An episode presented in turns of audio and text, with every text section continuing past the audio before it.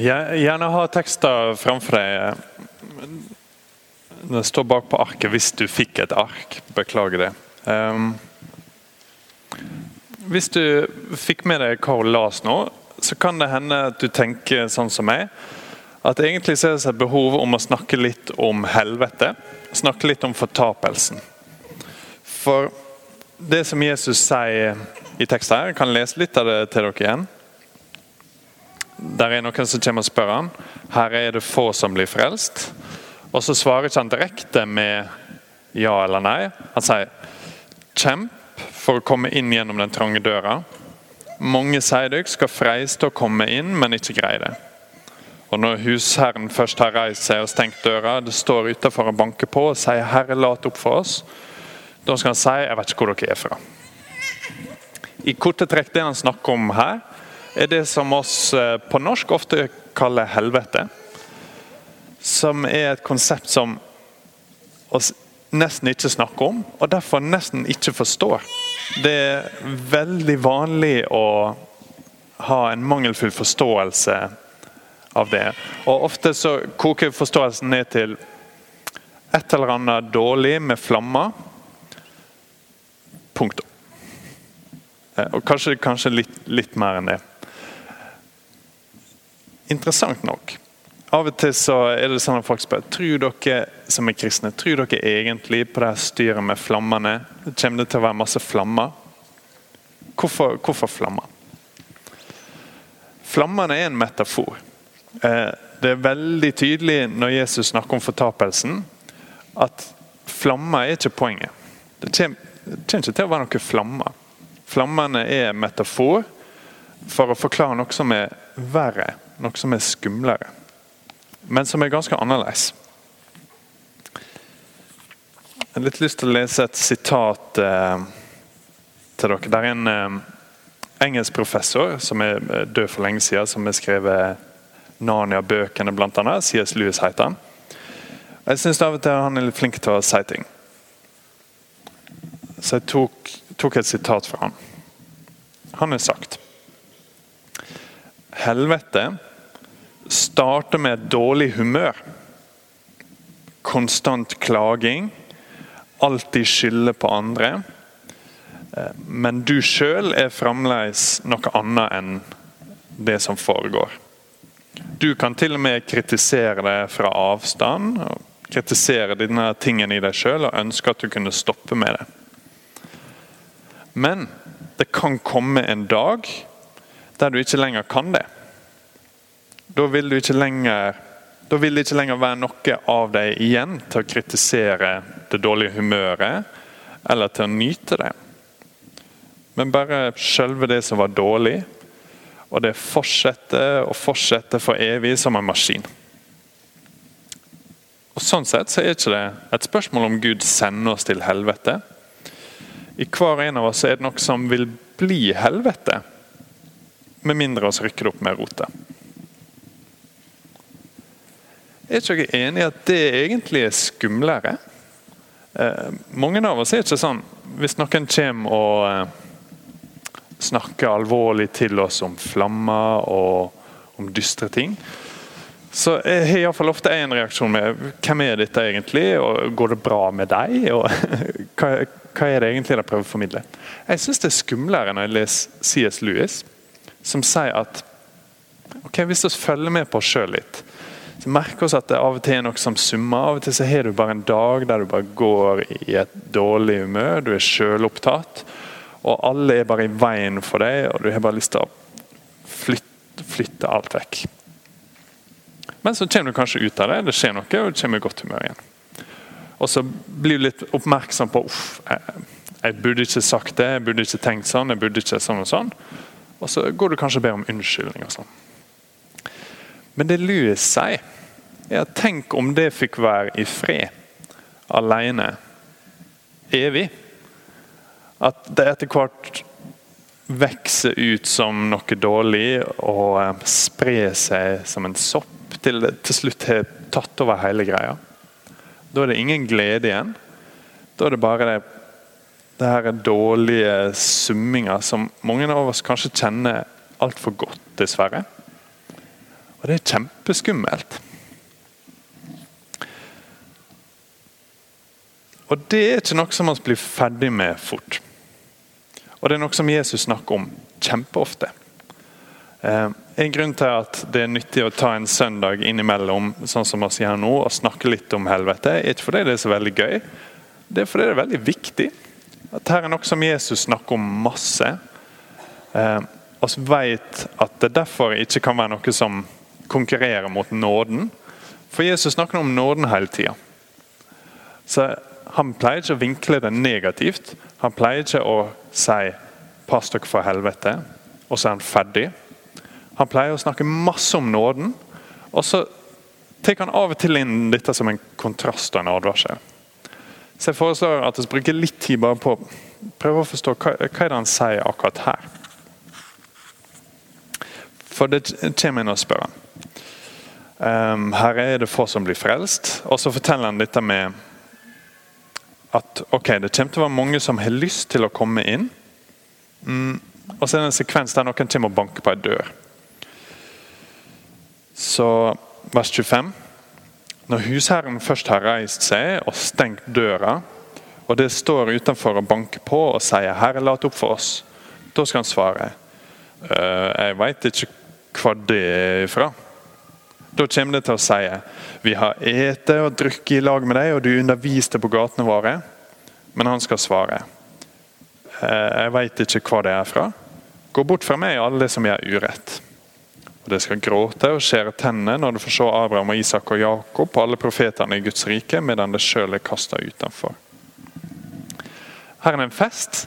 Det er noen som står utenfor og har lyst til å komme inn til festen. Um, de har lyst til å være med huseieren. Og um, så går han og låser døra. For Det er nå egentlig ferdig for kvelden, og han låser døra. Og så står de utafor og Jeg hadde veldig lyst til å være der inne. Og Da kan det virke som om her er en gjeng som har veldig lyst til å være med han verten. da. De har lyst til å bruke tid med han, men han har ikke så lyst til å bruke tid med dem. Men når vi leser de andre fortellingene som eh, Jesus forteller i denne samme boka i Lukas evangeliet, så blir det veldig tydelig at det er ikke det som skjer. Egentlig så er ikke de interessert i verten i det hele tatt, de som står utafor. De har veldig lyst til å slippe å stå ute og fryse. Men når de er inne, så er det egentlig ingenting kjekt som skjer for dem der. Så Jesus forteller bare to kapittel, tre kapittel senere så snakker han om det samme på en annen måte.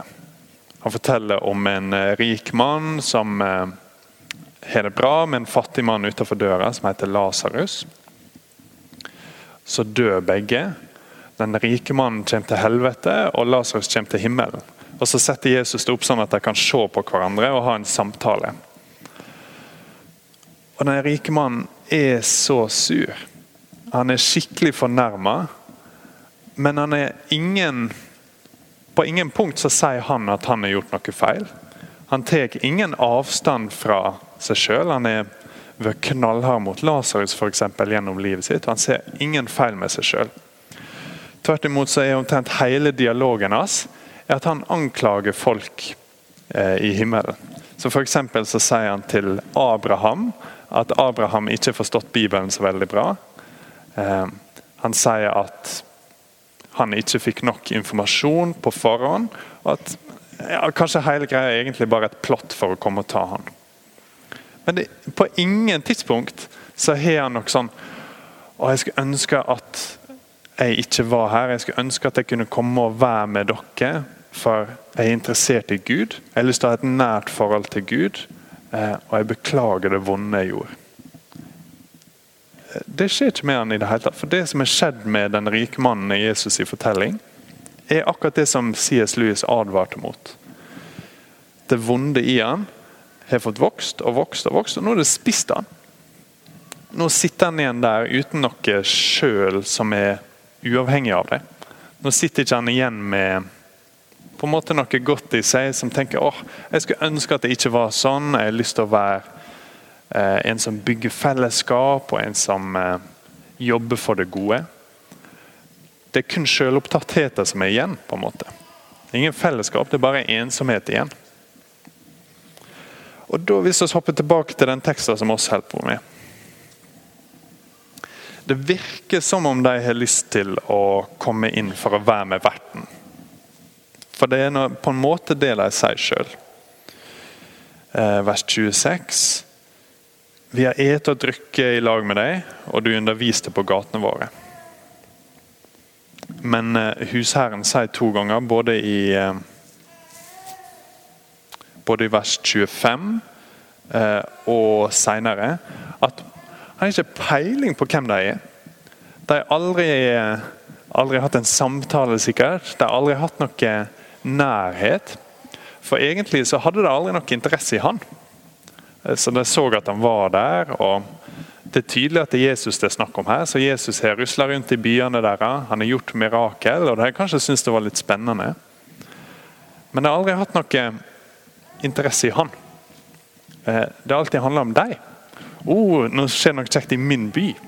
Oh, nå kan jeg bli underholdt her borte. Um, så Jeg har lyst til å lese dere et annet sitat om akkurat dette. Det er en kar som heter eh, Tim Keller, en teolog, som sier om disse tingene her. At selv i denne verden så ser vi at selvsentrerthet i stedet for gudssentrerthet gjør deg ulykkelig å bli. Og blind. ulykkelig å bli hadde vært rart. Det gjør deg ulykkelig og blind hvis livet ditt er sentrert rundt deg sjøl. Det er sånn Martin Luther beskriver synd. At bare hele livet begynner å snøre inn om oss sjøl. Blir megasjølsentrert, på en måte. Men motsatt. Ei sjel som har sentrert sitt liv på Gud og på Hans ære, er på vei mot mer glede eh, og mer helhet. Og Det er egentlig poenget i denne teksten. Eh, så langt så har jeg reist meg opp og sagt masse dystre ting til dere. Og dere sitter med veldig alvorlige ansikt. Jeg beklager det. Men det er en litt alvorlig ting. Eh, og Jesus snakker med det på en alvorlig måte. Men med masse håp. Eh, for spørsmålet er Herre, er det få som blir frelst? Og så svarer ikke han på det. Noen plasser så kan det virke som om Jesus tenker at nei, det er ikke så veldig mange som, som kommer til himmelen. For eksempel, så sier han i eh, skal vi se, jeg skrev ned, i Matteus 7,14 så sier han smal er veien som fører til livet, og få er det som finner. Og Det høres ut som det er ganske konkluderende. At det er ikke så veldig mange som klarer å unngå dette. Men når jeg har lest litt på dette, så er det flere skikkelige tungvektere av teologer som sier at sannsynligvis så kommer det til å være flere i himmelen enn i helvete.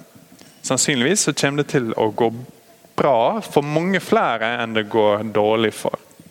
At det vonde som eh, holder på å spise seg ut, det kommer ikke til å vinne over alle.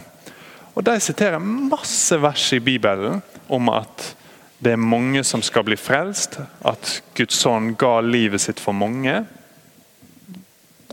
Og Egentlig så står det i teksten vår her også, i vers 29. Fra øst og vest og fra nord og sør skal mennesket komme og sitte til bords i Guds rike.